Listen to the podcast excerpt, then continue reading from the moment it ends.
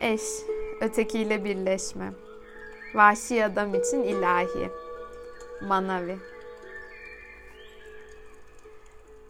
Eğer kadınlar erkeklerin kendilerini tanımalarını ama gerçekten tanımalarını istiyorlarsa onlara derin bilgeliklerinin bir bölümünü öğretmeleri gerekir. Bazı kadınlar yorulduklarını, bu konuda zaten çok fazla şey yaptıklarını söylerler. Naçizane fikrim şudur. Demek ki öğrenmeye aldırmayan bir erkeğe ders vermeye çabalıyorlar. Çoğu erkek bilmek ister, öğrenmek ister. Erkekler bu istekliliği gösterdiklerinde bir şeyleri ortaya dökme zamanı gelmiştir. Hem sadece bu nedenle de değil, başka bir ruh bunu istediği için de bunu yapmak gerekir. Bunu göreceksiniz. Öyleyse işte size bir erkeğin bir kadını anlamasını, onu yarı yolda karşılamasını çok daha kolaylaştıracak olan bazı yollar. İşte size bir dil. Bizim dilimiz. Hayatta olduğu gibi mitlerde de vahşi adamın yerin altındaki kendi gelinini aradığı kuşkusuzdur. Kelt masallarında birbirini böyle seven ünlü vahşi tanrı çiftleri vardır. Bunlar genellikle bir gölün dibinde yaşayarak aşağıdaki hayatı ve alt dünyayı korurlar. Babil mitlerinde sedir ağacı kalçalı inana sevgilisine, boğa sabanına şöyle seslenir. Gel beni vahşiliğinle ört. Modern çağlarda hatta bugün bile üst orta batıda Tanrı'nın anası ve babasının hala pınar yataklarında gürleyip gök gürültüsü yarattığı söylenir. Aynı şekilde vahşi bir kadının denge olabilecek bir eşten daha çok sevebileceği kimse olamaz. Ancak belki de sonsuzluğun başlangıcından beri onun eşi olanlar asıl doğasını kavradıklarından asla tamamen emin olamazlar. Bir kadın aslında neyi arzular? Bu eski bir sorudur. Bütün kadınların sahip oldukları vahşi ve gizemli doğaya ilişkin ruhani bir bilmecedir. Saucer'ın Bahtlı Kadının hikayesindeki Cadaloz'un bu soruya cırlayarak verdiği yanıta göre kadınlar kendi hayatları üzerinde hakimiyet kurmak isterler ve bu hiçbir şekilde değiştirilemez bir olgudur. Ama bu sorunun aynı oranda güçlü başka bir yanıtı daha vardır. Aşağıdaki birazdan okuyacağım. Kadınların asıl doğasına ilişkin bu çok eski soruyu yanıtlayan bir öyküdür. Öyküde gösterilen yöntem ve araçları kullanarak gayret gösterenler vahşi kadına sonsuza kadar sevgili ve eş olacaktır. Uzun yıllar önce Bayan Washington bana küçük bir Afrikalı Amerikalı öyküsü armağan etmişti. Mana ve adını verdiğim bu öyküyü edebi bir kalıba dökerek daha etkili kılmaya çalıştım.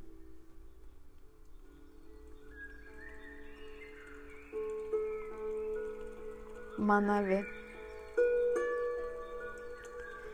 Bir zamanlar ikiz iki kız kardeşle flört eden bir adam varmış.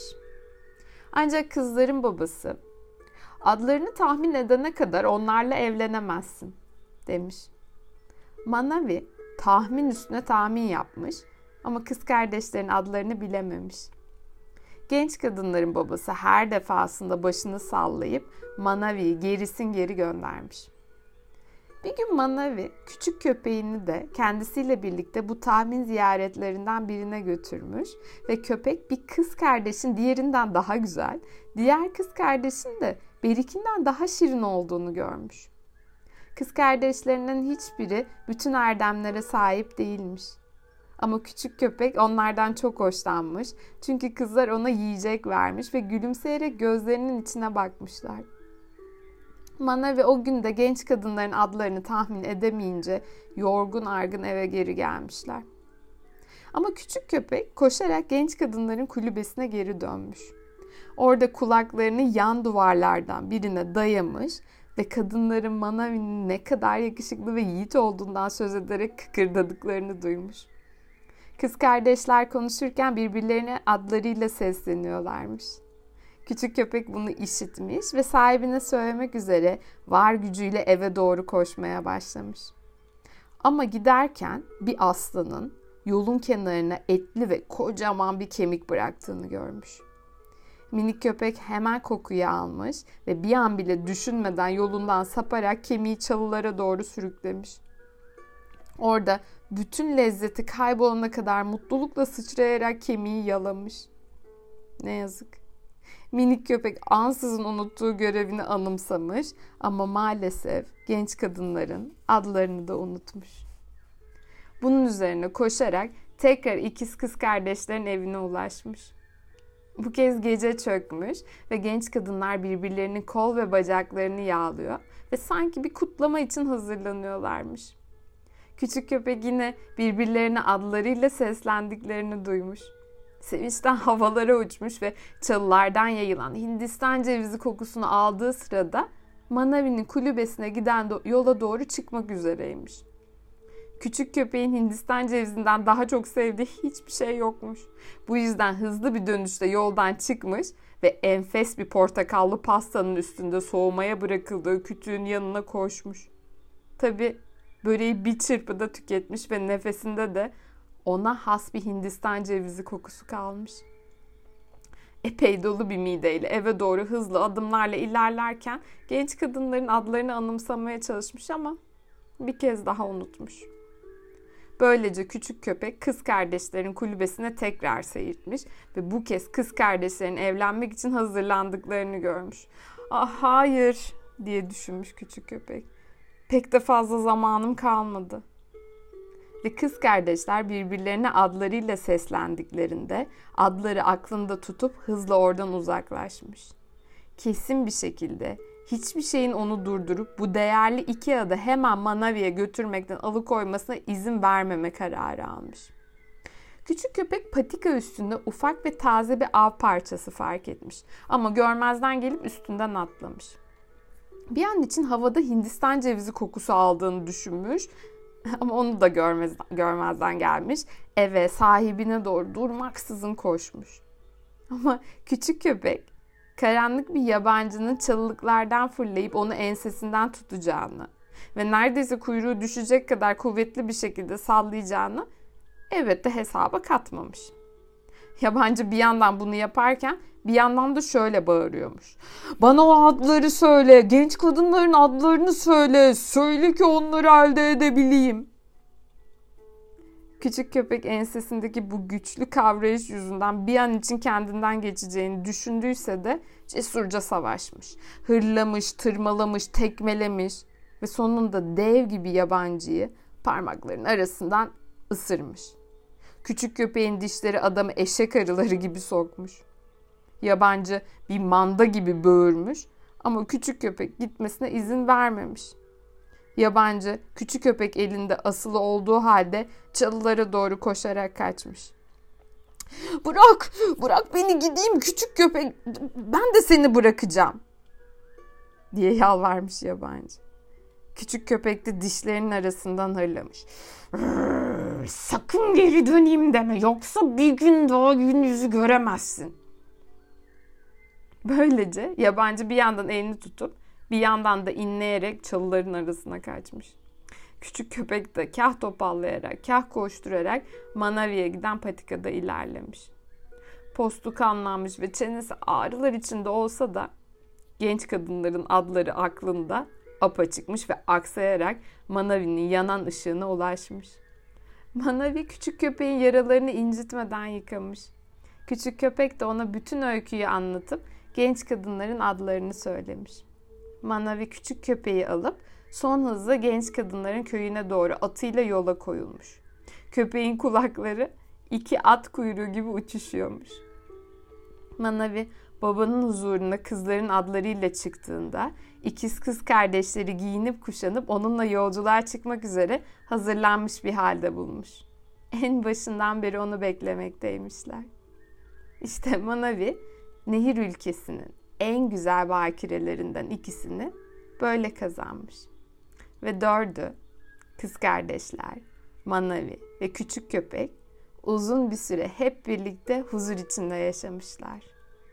Krik, krek, krak. İşte bu öykünün sonu. Krik, krek, kran. İşte bu öykü bitti.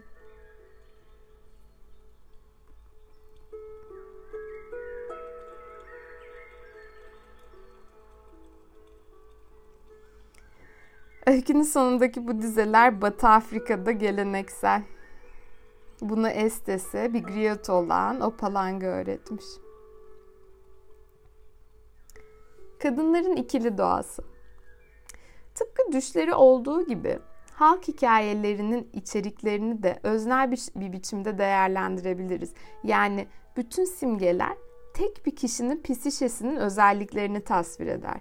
Ama dış dünyadaki koşul ve ilişkileri de anlattıkları için bu öyküleri nesnel olarak da anlayabiliriz. Manavi masalı üstünde konuşurken daha çok bir kadınla eşi arasındaki ilişki açısından bakalım. Ve unutmayalım ki e, çoğu durumda dışarıda olan aynı zamanda içeridedir. E, bu öykü kadınlara dair çok ama çok eski bir sırrı açığa çıkarır ve bu sır da şudur. Bir eş vahşi kadının kalbini kazanmak istiyorsa onun doğal ikiliğini iyice anlamalıdır. Masaldaki iki kadını etnolojik olarak çok eşli bir kültürdeki müstakbel gelinler olarak anlayabiliriz. Ama arketipsel bir bakış açısından bu öykü tek bir kadının içindeki iki güçlü dişil kuvvetin gizeminden söz etmektedir. Manavi öyküsü vahşi kadına yakın olmak için gereken bütün temel olguları içermektedir. Manavi sadık köpeği aracılığıyla iki adı, dişil olanın iki doğasını tahmin eder. Ve sırrı çözene kadar kazanamaz. Bunu başarmak için köpekle simgelenen içgüdüsel benliğini kullanmalıdır. Bir kadına yakın duran herkes aslında iki kadının huzurundadır. Bir dış varlık ve bir içsel kreatura. Bunlardan biri üst dünyada yaşarken diğeri ise kolaylıkla görülemeyen bir dünyada yaşamını sürdürür. Dışarıdaki varlık gün ışığıyla yaşar ve kolayca gözlenebilir. Çoğu zaman pragmatik, kültürlü ve çok insanidir. Bununla birlikte kreatüre genellikle çok uzaklardan gelerek yüzeye çıkar. Çoğu zaman göründüğü hızda ortadan kaybolur. Yine de her zaman ar- arkada bir duygu, şaşırtıcı, özgün ve bilgece bir şey bırakır. Kadınlardaki bu ikili doğayı anlayan erkekler, hatta kadınlar, kimi zaman gözlerini kapatıp Tanrı'dan yardım dilerler. Kadınların ikiz doğasının paradoksu, bir tarafın duygusal anlamda soğukken, diğer tarafın daha sıcak olmasından kaynaklanır. Bir taraf ilişki açısından daha kararlı ve zenginken diğeri biraz değişkendir.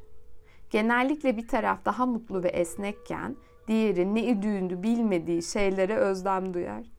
Biri neşeliyken diğeri tatlı sert ve dalgın olabilir.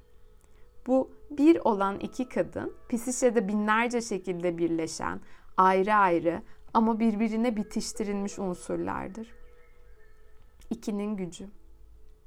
Bir kadının doğasının her bir yanı farklı işlev ve bilgileri olan ayrı bir bütünlüğü temsil etse de tıpkı korpus kolosuma sahip olan beyin gibi bunların da birbirlerinin bilgisine sahip olmaları ya da bu bilgileri bir diğerinin anlayacağı bir şekilde tercüme etmeleri, böylece bir bütün olarak işlev görmeleri gerekir. Eğer bir kadın bir tarafını gizler ya da bir tarafını fazla desteklerse bütün gücüne ulaşmasını engelleyen ve fazlasıyla tek boyutlu bir hayat sürer. Bu iyi değildir. Her iki yanı da geliştirmek gereklidir. İkizler simgesini incelersek ikinin gücü konusunda çok şey öğreniriz. Kadim çağlardan beri dünyanın her yerinde ikizlerin doğaüstü güçlerle donanmış oldukları düşünülmüştür. Bazı kültürlerde başlı başına ikizlerin doğasının dengelenmesine adanmış disiplinler vardır. Çünkü bunların bir ruhu paylaşan iki ayrı benlik olduğu düşünülür. İkizler ölümlerinden sonra bile beslenir. Onlarla konuşulur, onlara armağanlar verilir ve kurbanlar adanır. Çeşitli Afrika ve Karayip topluluklarında ikiz kız kardeş simgesinin Juju'ya, ruhun mistik enerjisine sahip olduğu söylenir. Bu yüzden de bütün topluluğun kaderi kötü çizilmesin diye ikizlere kusursuz bir şekilde bakılması gerekir. Haiti'deki voodoo inancında aralarında baş gösteren kıskançlığın anında yatıştırılması ama daha da önemlisi kıskançlık durumunda içlerinden birinin zayıflayıp ölmesi, diğerinin de ölümüne yol açacağından topluluğa kazandırdıkları özel ruh halinin kaybedilmemesi için ikizlerin her zaman eşit miktarda porsiyonlarla beslenmesini talep eden bir uyarı vardır. Aynı şekilde Pisişe'nin ikili güçleri bilinçli olarak tanınır ve birlik halinde görülürse, ayrı ayrı tutmak yerine bir araya getirilirse bir kadın muazzam güçlere sahip olur. İkinin gücü çok büyüktür ve ikiliğin herhangi bir yanı ihmal edilmemelidir. Eşit olarak beslenmeleri gerekir çünkü birlikte bireye esrarengiz bir güç kazandırırlar. Bir zamanlar Orta Güney'de yaşayan Afrikalı Amerikalı bir adamdan bir öykü dinlemiştim. Kent merkezindeki bir parkın grafitileri arasında otururken dar bir sokaktan çıka gelmişti. Bazıları ona deli derdi çünkü kendi kendine konuşup duruyordu.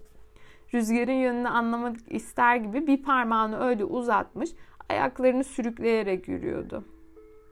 Kuantistalar bu tür kişileri tanrılarla temasta olan kişiler olarak kabullenirler. Bizim geleneğimizde böyle bir adama el bulto yani bohça denir. Çünkü onun gibi ruhları, ruhlar bir tür erzak çantası taşır ve bu erzak çantasını bakacak olan, onu görecek gözleri ve koruyacak duyumları olan herkese gösterirler. Bana bu öyküyü nevi şahsına münhasır nezaketiyle sözünü ettiğim bu el bulta anlattı. Bir tür atalar arası iletim öyküsüdür bu. O öyküye bir çubuk, iki çubuk adını vermişti. Eski Afrika krallarının tarzı budur diye fısıldamıştı. Öyküde yaşlı bir adam ölmek üzeredir ve eşini dostunu yanına çağırır. Sürüsüne bereket çocuklarının, karılarının ve akrabalarının her birine kısa, sağlam bir çubuk verir. Kırın diye emreder. Biraz çabayla hepsi çubuklarını kırar. Ruh yalnız ve kimsesiz olduğunda başına bu gelir işte. Kolaylıkla kırılabilir.'' Yaşlı adam ardından akrabalarının her birine ikinci bir çubuk verir. Ve ben göçüp gittikten sonra işte bu şekilde yaşamanızı istiyorum. Çubuklarınızı ikili ve üçlü demetler halinde bir araya getirin. Şimdi bu demetleri ikiye bölün. Bir demette iki veya ikiden fazla çubuk olduğunda kimse çubukları kıramaz. Yaşlı adam gülümser. Başka bir ruhla birlikte olduğumuzda güçlü oluruz. Diğerleriyle birlikteyken kırılmayız. Aynı şekilde ikili doğanın her iki yanı da bilinçte birbirine yakın tutulduğu zaman muazzam bir güce sahip olur ve kırılamaz. Ruhsal ikiliğin, ikizleşmenin, kadının kişiliğinin iki yönünün doğası budur. Daha fazla uygarlaşmış olan benlik tek başına da idare edebilir. Ama bir parça yalnızdır. Vahşi benlik de iyidir ama başkalarıyla ilişkiye geçmenin özlemi içindedir kadınların psikolojik, duygusal ve tinsel güçlerinin kaybı bu iki doğanın birbirinden koparılmasından ve birinden biri artık yokmuş gibi davranılmasından kaynaklanır. Bu masalın dişil ikiliği kadar eril ikiliği de işlediği söylenebilir. Manavi'nin de kendi ikili doğası vardır. İnsani bir doğa ve köpekle simgelenen içgüdüsel bir doğa. İnsani doğası şirin ve sevimli olsa da evliliği elde etmeye yetmez. Kadınların yakınına kadar sokulup keskin bir işitme gücüyle onların adlarını duyma yeteneği olan içgüdüsel doğasını simgeleyen köpeğidir. Yüzeysel ayartmalarla başa çıkmayı ve en önemli bilgileri elde tutmayı öğrenen yine köpektir. Keskin bir işitme gücü ve inadı olan, duvarların altını oyup değerli fikirleri bulma, kovalama ve tekrar ele geçirme işgüdülerine sahip olan Manavi'nin köpeğidir. Diğer masallarda olduğu gibi eril güçler mavi sakalvari ya da cani Mr. Fox türünden bir enerji taşıyabilir ve böylece kadının ikili doğasını yok etmeye çalışabilir. Bu tür tipler ikiliye katlanamazlar çünkü mükemmellik ararlar. Gerçek, mükemmel bir kadında somutlaşmış olan değişmez. Sabit bir feminine substansiya, dişil cevher ararlar. Öf. Böyle bir kişiyle karşılaşırsanız bütün hızınızla öteki tarafa kaçın. Gerek içeride gerekse dışarıda manavi tipinde bir sevgiliye sahip olmak daha iyidir. O çok daha iyi bir taliptir. Çünkü kendisini yoğun olarak iki düşüncesine vermiştir. Ve bu ikinin gücü bütünsel bir kendilik olarak hareket etmektedir. Onun için Manavi, kadının ruhsal hayatının bu en yaygın ama en gizemli bileşimine dokunmak ister kendi ruhsal hayatına bütünüyle hakimdir. Kendisi vahşi, doğal bir adam olduğundan vahşi kadın titreşimlerini alır ve onu arzular. Bir kadın psişesinde Jungçuların animus dedikleri bütün erkek figürler kabilesi arasında manavi benzeri bir özellik de vardır. Bu özellik kadının ikiliğini bulur ve ister onu şeytani, çirkin ve hor görülesi değil, aksine değerli, flört edilebilir ve arzulanabilir görür. Jamaika'da bu masalın kalıntısı olan bir çocuk şarkısı vardır.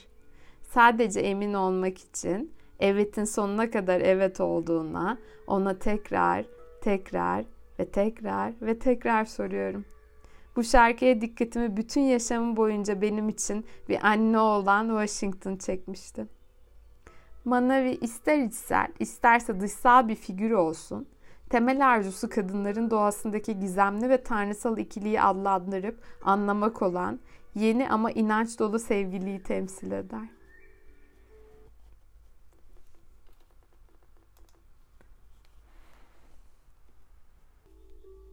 Adın gücü. Bir kuvveti, yaratı, yaratığı, kişiyi ya da şeyi adlandırmanın pek çok anlamı vardır. Adların büyülü ya da uğurlu anlamlarından ötürü dikkatle seçildikleri kültürlerde bir kimsenin gerçek adını bilmek, o kişinin hayat yolunu ve ruhsal özelliklerini bilmek demektir.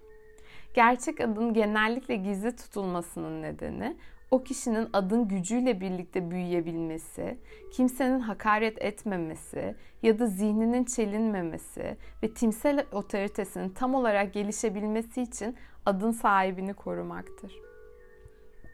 Masallarda ve halk hikayelerinde adın daha başka pek çok yönü vardır ve bunlar Manavi masalında da iş başındadır.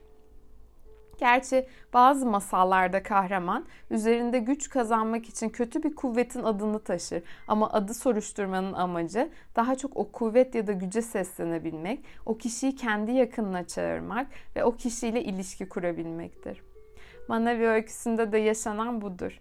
İkinin gücünü kendine yaklaştırmak için Manavi içten çabalarla tekrar tekrar gidip gelir onları adlandırmakla ilgilenmesinin nedeni onların güçlerini ele geçirmek değil, onlarınkine eş değer olan öz gücünü kazanmaktır.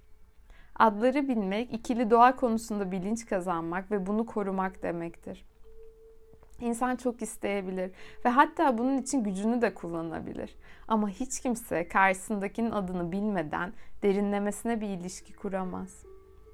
İkili doğanın ve ikiz kız kardeşlerin adlarını tahmin etmek başlangıçta erkekler için olduğu kadar kadınlar için de zor bir görevdir. Ama bu konuda fazla kaygılanmaya gerek yoktur. Eğer adları bulmakla ilgiliysek en azından daha baştan doğru yoldayız demektir. Peki bir kadının psişesindeki bu iki simgesel kız kardeşin tam adları nedir? İkiliklerin adları elbette kişiden kişiye değişir ama bunlar bir tür karşıtlık içinde olma eğilimindedir. Doğal dünyanın geniş kesimleri gibi bunlar da ilkin bir örüntü ya da yineleme yokmuşçasına geniş bir alana yayılmış görünebilir. Ama ikili doğanın yakından gözlemlenmesi, sorgulanması ve yanıtlarına kulak verilmesi hepsine ait bir örüntüyü hemen ortaya çıkaracaktır. Geniş bir alana yayılmış bir örüntüdür bu. Doğru. Ama yükselip alçalan dalgalar gibi bir istikrara da sahiptir. Yükselip alçalan gelgitler öngörülebilir. Derin akıntılarının haritası çıkarılabilir. Adların tahmin edilmesine gelince bir kişinin adını söylemek, o adın her dile getirilişinde o kişiyle ilgili bir istekte ya da kutsamada bulunmak demektir. Kendimizdeki bu ikili mizacı ego ile evlendirmek için adlandırırız. Bu adlandırma ve evlendirme işine insani sözcüklerle kendini sevme denir. Ayrı ayrı iki kişi arasında gerçekleştiğinde ise buna birbirini sevme adı verilir. Manavi sürekli tahminde bulunur ama dünyevi doğasıyla tek başına ikizlerin adlarını tahmin edemez. Sezginin temsilcisi olan köpek Manavi'nin hizmetinde çalışır. Kadınlar genellikle bu türden bir dayanıklılığa ve derin doğalarını anlama çabasını sürdüren bir zihniyete sahip eşler ararlar. Böyle bir cevherden yapılmış bir eş bulduklarında ona ömür boyu sadakat ve sevgi gösterirler. Masalda ikizlerin babası mistik çiftin muhafızı gibi davranır. O bir arada duran ve ayrılmayan şeylerin bütünlüğünü sağlayan psişe içindeki gerçek bir niteliğin simgesidir. Talibin değerini, doğruluğunu sınayan odur. Kadınların böyle bir gözetmene sahip olmaları iyidir. Bu anlamda sağlıklı bir psişenin içeri girmek için başvuran yeni unsurları sınadığı söylenebilir. Psişenin bu konuda bir bütünselliği, bir tarama süreci vardır. İçinde babacan bir gözetmen bulunduran sağlıklı bir psişe, eski bir düşünceyi, tutumu ya da kişiyi değil, sadece duyarlı olanları ya da öyle olmaya çalışanları kabul eder. Kız kardeşlerin babası şöyle der. Bekle, gerçekten de asıl özü, asıl adları bilmekle ilgilendiğinde beni inandırana kadar kızlarıma sahip olamazsın. Babanın dediği şudur. Sadece sormakla kadınların sırlarına dair bir anlayışa ulaşamazsın. Önce çalışma yapmalısın. Bu konunun peşini bırakmayacağını ispatlamalısın. Kadına özgü bu ruhsal bilmecenin hem iniş hem de muamma olan bu gayretin gerçek aslında daha yakın hissetmelisin kendini. İnatçı köpeğin doğası. Öyküdeki küçük köpek psişik inadı nasıl işlediğini tam olarak göstermektedir. Köpekler evrenin büyücüleridir. Yalnızca varlıklarıyla bile somurtkan insanları gülümseyen insanlara, üzgün insanları daha az üzgün insanlara dönüştürür ve ilişkiler doğururlar.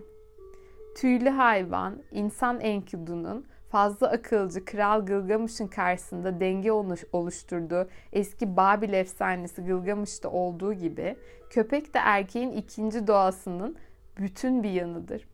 Ormanın doğasıdır. İz sürebilen, neyin ne olduğunu duyumsayarak bilendir.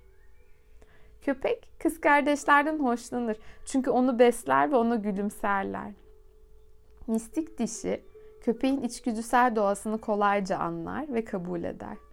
Köpekler başka şeylerin yanı sıra kolayca ve uzun süre kalpten seveni, çaba harcamadan bağışlayanı, uzaklara koşabileni ve gerektiğinde ölümüne savaşabileni temsil eder. Köpek doğası bir eşin ikili kız kardeş, ikili kız kardeşin ve vahşi kadının kalbini nasıl kazanacağına dair somut ipuçları verir. Başlıca ipucu da geri dönmeye devam etmektir.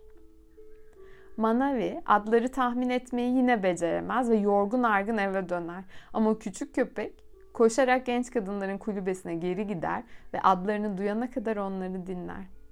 Arketipler dünyasında köpek doğası hem psikopomp yani yukarıdaki dünya ile loş dünya arasındaki haberci hem de ktoniktir. Pisişenin daha karanlık ya da daha uzak arka bölgelerine çok eski zamanlardan beri bu ad verilir. Bir işin ikiliyi anlamak amacıyla içine girdiği duyarlılık hali budur. Köpek kurda benzer ve her ne kadar öykünün geri kalan kısımlarında o kadar da uygar olmadığını görsek de sadece biraz daha uygarlaşmıştır. Bu küçük köpek psikopomp olarak içgüdüsel pisişeyi temsil eder. Bir insandan daha farklı bir şekilde işitir ve görür. Egonun kendi başına asla düşünemeyeceği düzeylere kadar gider. Egonun işitemeyeceği sözcükleri ve talimatları işitir ve işittiklerini izler. Bir zamanlar San Francisco'daki bir bilim müzesinde bir köpeğin işitme gücünü taklit eden mikrofon ve kolonlarla dolu bir odaya girmiştim. Rüzgarda bir palmiye yaprağı dalgalandığı zaman kıyamet gününü çağrıştıran bir ses duyuluyordu. Çok uzaklardan bir ayak sesi yaklaştığında kulağımın dibinde bir milyon torba dolusu mısır gevreği çatırdıyormuş gibi oluyordu. Köpeğin dünyası sürekli kıyamet gününe benzer seslerle doludur. İnsanlar olarak hiç kaydetmediğimiz seslerle. Ama küçük köpek bunları kaydeder. Köpekgiller insan işitme gücünün dışındakileri de duyar. İçgüdüsel pisişenin bu kehanetimsi yönü kadın pisişesinin derin çalışmalarını, derin müziğini, derin gizemlerini içgüdüsel olarak işitir. Kadınlardaki vahşi doğa bu doğa sayesinde bilinebilir. Baştan çıkarıcı iştahın ayak sesleri. Kadın ve erkekler doğalarının derin taraflarını bulmak için mücadele etseler de bir takım gerekçelerle, çoğunlukla da çeşitli hazlar yüzünden akıllarının çelinmesi tesadüf değildir. Bazıları bu hazlara bağımlı hale gelip sonsuza kadar orada sıkışıp kalır ve işlerine asla devam edemez. Küçük köpeğin aklı da iştah duyduğu şeyler tarafından ilk başta çelinmiştir. İştah duyulan şeyler genellikle zamanın ve libidonun çalınmasına sebep olan çekici küçük hırsızlardır. Sizinkiler de. Jung insani iştahın bir ölçüde denetime alınması gerektiğini söylüyordu. Yoksa sizin de göreceğiniz gibi insan yoldaki her kemik parçası için, bir kütüğün üstündeki her pasta dilimi için duracaktır. Eşler ikiliklerini adlandırmaya çalışırlarken tıpkı köpek gibi yoldan çıkarıldıkça azimlerini yitirle, yitirebilirler. Eğer kendileri de yabanıl ya da aç kalmış yaratıklarsa bu durum çok daha kolaylaşır. Ne aramakta olduklarını unutabilirler. Bazen kendi bilinç dışlarından gelip de istismar amacıyla onlara kendini zorla kabul ettirmek isteyen, onları sırf zevk olsun diye ayartmak veya bir avcının zihinlerindeki boşluğunu doldurmak isteyen bir şeyin çekimine kapılabilir, saldırısına uğrayabilirler. Sahibinin evine geri dönerken yolda çok lezzetli bir kemikle aklı çelinen köpek, süreç içinde genç kadınların adlarını unutur. Bu bölüm derin psişik çalışmada çok sık görülen bir durumu somutlaştırır. İştahın ayartıları birinci süreci engeller. Analizlerime katılanlardan birinin şunları söylediğini duymadan bir ayım bile geçmez. Şey, e, derin çalışmalardan uzaklaştım çünkü cinsel olarak kızgınlaşmıştım ve ateşi söndürmek 7 günümü aldı. Ya da çünkü e, bu hafta evdeki 500 bitkimin budanma zamanının geldiğine karar verdim. Ya da 7 tane yeni yaratıcı işe giriştim. Epey zaman aldı ve sonra hiçbirinin aslında gerçek bir umut vaat etmediğine karar verdim ve hepsini bıraktım. Gördüğünüz gibi yoldaki kemik hepimizi beklemektedir. Bir köpeğin pek reddedemeyeceği leziz bir kokusu vardır. En kötüsü de çok gözde bir bağımlılık olmasıdır. Bize çoktan bedel ödetmiş bir bağımlılık. Ama her defasında başarısız olsak da yanından geçip gidene ve esas işimize tekrar koyulana kadar tekrar tekrar denemeliyiz. Derin çalışmanın devinirliği cinsel uyarılmaya benzer. Sıfır düzeyinden başlar, platolar halinde ivme kazanır, kalıcı ve yoğun bir hale gelir. Platolar haşim bir şekilde kesilirse, beklenmedik büyük bir gürültü düşünün, her şeye yeniden başlamak gerekir. Psişenin arketipsel katmanında çalışırken benzer bir uyarılma gerilimi olur. Eğer gerilim kesintiye uğrarsa neredeyse en başından başlamak gerekir. Demek ki yolda birçok kemik vardır. Özlü, güzel, ilginç, vahşice heyecanlar doğuran kemikler. Bunlar sadece çalışmanın neresinde olduğumuzu değil, başlangıçta bu çalışmanın ne olduğunu da bir şekilde unutturan bir bellek yitimine götürür bizi. Kur'an, bilge bir biçimde yeryüzündeyken izin verildiği halde zevk almadığımız bütün hazların hesabının bizden isteneceğini söyler. Ancak yanlış zamanda çok fazla ya da hatta bir parça iyi bir şey bile kocaman bir bilinç kaybına neden olabilir. O zaman ani bir bilgelik parlaması yerine dalgın bir profesör gibi şimdi neredeydim diye mırıldanarak geziniriz. Kendimizi bu ayartmalardan kurtarmamız haftalar, kimi zaman aylar alır. Öyküde köpek koşarak kız kardeşlerin kulübesine geri döner, adlarını yeniden duyar ve bir kez daha hızla uzaklaşır. Bu köpek sağlam bir tekrar tekrar deneme içgüdüsüne sahiptir. Ama o da ne? Bu kez de Hindistan cevizi bir pasta aklını çeler ve adları yine unutur. İşten bir başka yönü yaratığa saldırmış ve onu yine ödevinden uzaklaştırmıştır. Bağırsakları doymuş ama ruhunun işi yapılmamıştır. Bu noktada bilinçli kalma, özellikle de psişik bağlantılar oluşturmaya çalışırken iştahların aklı çelmesine izin vermeme sürecinin uzun bir süreç olduğunu ve buna bağlı kalmanın son derece güç olduğunu anlıyoruz. Kurnaz küçük köpeğin var gücüyle çalıştığını görüyoruz. Ancak derin arketip, arketipsel bilinç dışından tekrar bilinçli akla dönmek için uzun bir yol kat etmek gerekir. Hem adlara doğru inmek hem de tekrar yüzeye geri çıkmak için uzun bir yol kat edilir. Yol boyunca tuzaklar varsa eğer bilgiyi bilinçte tutmak zordur. Hindistan cevizli pasta ve kemik, kendi açılarından nefis olan baştan çıkarıcı ayartıları temsil eder. Başka bir deyişle herkesin pis saptırıcı, hilekar ve enfes öğeler vardır. Bu öğeler bilinç karşıtıdır. Şeyleri karanlıkta ve heyecan verici bir halde tutarak gelişir. Bazen ışığın vereceği heyecan için tüm bunlara katlandığımızı kendi kendimize hatırlatmamız zordur. Öyküde köpek ışık getirendir. Gizemli ikiz doğa ile bilinçli bir bağlantı kurmaya çalışmaktadır. Bir şey ritmik bir şekilde buna engel olmaya çalışmaktadır. Görülmeyen ama kemikleri yerleştirip pastaları yol kenarına bıraktığı belli olan bir şey. Hiç kuşkusuz bu karanlık yabancıdır. Pisişe'nin doğal yok edicisinin bilince karşı koyan başka bir versiyonu. Tüm insanların pisişelerinde doğal olarak ortaya çıkan bu karşı koyucudan dolayı en sağlıklı pisişe bile yolunu kaybetme eğilimindedir. Gerçek ödevi hatırlamak ve kendimize bunu tekrar tekrar neredeyse bir mantra tarzında anımsatmak bizi bilince geri götürecektir. Acımasız olmayı becermek. Küçük köpek kadınların adlarını bir kez daha öğrenir ve sahibine dönmek için hızla seyirtir. Yol üstünde ziyafeti ve çalılardan gelen ayartıcı kokuları görmezden gelir. Burada pisişenin bilincinin yükselmekte olduğunu görüyoruz. İçgüdüsel pisişe kendine gem vurmayı, önceliklerini belirlemeyi ve odaklaşmayı öğrenmiştir. Yolundan döndürülmeyi reddeder.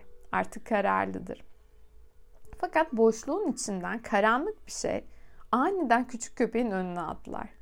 Yabancı köpeği sarsar ve bana o adları söyle, genç kadınların adlarını adları ne söyle ki onları elde edebileyim der. Yabancı pisişenin ikiliğine ve incelikli noktalarını aldırmaz bile. Dişi onun için elde edilebilecek bir mülkiyettir. Hepsi bu. Yabancı dış dünyadaki gerçek bir kişiyle ya da içerideki negatif bir kompleksle kişileştirilebilir. Hangisiyle olduğu fark etmez çünkü yıkıcı etkileri aynıdır. Köpek, köpek bu kez ölçüsüz bir mücadeleye girer. İster bir kadın, isterse de bir erkek olalım. Bir olay, bir dil sürçmesi, tuhaf bir şey ortalığa çıkıp bize kim olduğumuzu unutturmaya çalıştığında dışarıdaki hayatta da aynısı yaşanır. Pisişe'de her zaman adlarımızı çalmaya çalışan bir şey bulunur. Dış dünyada da birçok ad hırsızı vardır. Öyküde küçük köpek kendi yaşamı için savaşır. Bazen derin bilgeliğimizi sıkı sıkı elde tutmayı öğrenmemizin tek yolu bir yabancının ortaya çıkıvermesidir. O zaman değer verdiklerimiz için savaşmaya, ilgilendiğimiz şeyler konusunda ciddi olmak için savaşmaya, Robert, Robert Blaine kendini mükemmel hissetme arzusu dediği yüzeysel tinsel amaçlarımızı geliştirip aşmak için savaşmaya, derin bilgeliği elde tutmak için savaşmaya, başladığımız şeyleri bitirmek için savaşmaya mecbur kalırız. Küçük köpek de adları korumak için savaşır ve böylece tekrar tekrar bilinç dışına kayan bölümü fetheder. Köpek mücadeleye girince şaşırtıcı bir şekilde adları kaybetmez. Çünkü uğruna savaştığı şey budur. Vahşi dişiyle ilgili bilgilerdir. Buna kim sahip olursa kadınınkine eş değer bir güç kazanır. Köpek bu gücü layık olan insana, Manavi'ye vermek için savaşmıştır. Bu gücü kadim insan doğasının onu kötüye kullanacak olan bir yönünden korumak için savaşmıştır. Gücün doğru ellere verilmesi, adlarının bulunması kadar önemlidir. Kahraman köpek adları Manavi'ye verir. O da genç kadınların babasına sunar. Genç kadınlar Manavi ile uzaklara gitmeye hazırdırlar. İçsel doğalarının bilinçli bilgisini keşfetmek ve korumak için öteden beri Manavi'yi beklemektedirler. Böylece bu doğrultuda ilerlemeyi önleyen iki şey olduğunu görürüz. İştahların aklı çelmesi ve karanlık yabancı. Bu yabancı kimi zaman pisçenin içindeki doğuştan gelen baskı uygulayıcıdır. Kimi zaman da dış dünyadaki bir kişi ya da durum. Bunları aldırmayan her gezgin bu yağmacı ve çapulcuları nasıl yenilgiye uğratacağını içten içe bilir. Adlara sıkı sıkıya sarılın. Adlar her şeydir. İçerideki kadın. Kadınlar bazen eşlerinin kendilerini anlamalarını beklerken yorulur ve huysuzlaşırlar. Şöyle derler. Ne düşündüğümü, ne istediğimi, niye bilemiyorlar? Bu soruyu sormaktan yorgun düşerler. Ancak bu çıkmazın bir çözümü vardır. Etkili ve verimli bir çözümü. Eğer bir kadın bu açıdan duyarlı bir eş istiyorsa ona kadınların ikiliğinin sırrını açacaktır. Ona içerideki kadından kendisine eklendiğinde iki yapan birinden söz edecektir. Bunu yapmanın yolu onda görüldüğü, duyulduğu, bilindiği hissini uyandıran ve aldatıcı ölçüde basit gibi görünen iki soruyu sormayı eşine öğretmesidir. İlk soru şudur. Ne istiyorsun? Hemen herkes doğal olarak bu, çeşit, bu çeşitli soruyu sorar. Ama daha temel başka bir soru daha vardır. Derin benliğinin arzuladığı şey nedir? Eğer bir kadının ikili doğası gözden kaçırılır ve kadın sadece göründüğü biçimiyle değerlendirilirse insan büyük bir sürprize hazır olmalıdır. Çünkü kadının vahşi doğası derinlerinden yükselip kendini göstermeye başladığında çoğu zaman daha önce ifade ettiklerinden tamamen farklı ilgi, his ve fikirleri olduğu görülür. Bir kadın bir ilişkiyi güvenle örmek için eşiyle ilgili olarak aynı iki soruyu soracaktır kadınlar olarak hem kendi doğamızın hem de diğerlerinin doğasının iki yanını da bir araya getirmeyi öğreniriz. Her iki yandan karşılıklı olarak aldığımız enformasyon sayesinde en değerli şeyin ne olduğuna ve nasıl uygun bir tepki verileceğine çok açık bir şekilde karar verebiliriz. Bir kadın kendi ikili doğasına danıştığı zaman bilincin ötesinde olup bu yüzden de çoğu zaman içerik ve süreç açısından şaşırtıcı ve genellikle çok değerli olan malzemeye bakma, dikkatini gözden geçirip sondaj alma sürecindedir. Bir kadını sevmek isteyen eşin onun evcilleşmemiş doğasını da sevmesi gerekir. Bir kadın bu öteki tarafını sevemeyen ya da sevemeyecek olan bir eş alırsa mutlaka bir şekilde paramparça olacak ve tahmin, tamir edilemeyen sakat bir şekilde kalacaktır. Aynı şekilde erkekler de kadınlar gibi ikili doğalarını adlandırmalıdırlar. En değerli sevgili, en değerli ana baba, en değerli arkadaş, en değerli vahşi adam öğrenmeyi isteyendir. Öğrenmekten zevk almayanlar, yeni fikirlere ya da deneyimlerin çekimine kapılmayanlar şu an bulundukları konumu aşıp gelişemezler acının köklerini besleyen tek bir güç varsa o da bu anın ötesinde öğrenmeyi reddetmektir. Biliyoruz ki vahşi adam kendi dünyevi kadınını aramaktadır. Ürkütücü olsun ya da olmasın bir başkasının vahşi ruhu tarafından harekete geçirilmeye izin vermek en derin sevgi eylemidir. İnsanların kaybetmekten çok korktukları bir dünyada diğer bir insani ruhun tanrısallığında çözülmenin karşısında dikilmiş koruyucu duvarlar da bir o kadar fazladır. Vahşi kadına uygun olan eş, ruhsal bir inadı ve dayanıklılığı olan, kendi içgüdüsel doğasını bir kadının ruhsal hayatının örtüsü altına göz atmak ve orada görüp duyduklarını kavramak için gönderebilen bir eştir. Anlamaya çalışmak için geri dönmeyi sürdüren, yol üstündeki çekim odaklarının kendisini alıkoymasına izin vermeyen adam iyi bir eştir. Öyleyse erkeğin vahşi görevi kadının gerçek adlarını bulmak ve bu bilgiyi onun üzerinde güç kazanmak için değil, tersine onun yapıldığı tanrısal özü anlayıp kavramak, bunun üzerinden akıp geçmesine, onu şaşırtmasına, sarsmasına, hatta korkutmasına izin vermek için kullanmaktır. Ve onunla birlikte kalmaktır ve adlarını birer şarkı gibi yüksek sesle onun üstüne söylemektir. Bu kadının gözlerini ışıtacaktır. Bu erkeğin de gözlerini ışıtacaktır. Fakat bu bizi hemen rahatlatmasın. İkilikleri adlandırmanın başka bir yönü daha vardır. Daha ürkütücü ama bütün sevgililer için çok önemli olan bir yönü. Bir kadının ikili doğasının bir tarafına hayat denilebilirse, Hayatın ikiz kız kardeşi de ölüm denen güçtür. Ölüm denen güç vahşi doğanın iki manyetik çatalından biridir. Eğer ikilikleri adlandırmayı öğrenirsek sonunda tam da ölüm doğasına çıplak kafatasını toslarız. Sadece kahramanların buna dayanabileceklerini söylerler. Mutlaka vahşi adam da buna dayanabilir. Kesinlikle vahşi kadın da buna dayanabilir. Aslında onlar bu sayede bütünüyle değişime uğrarlar. Öyleyse önümüzdeki hafta, önümüzdeki bölümde lütfen iskelet kadınla tanışalım.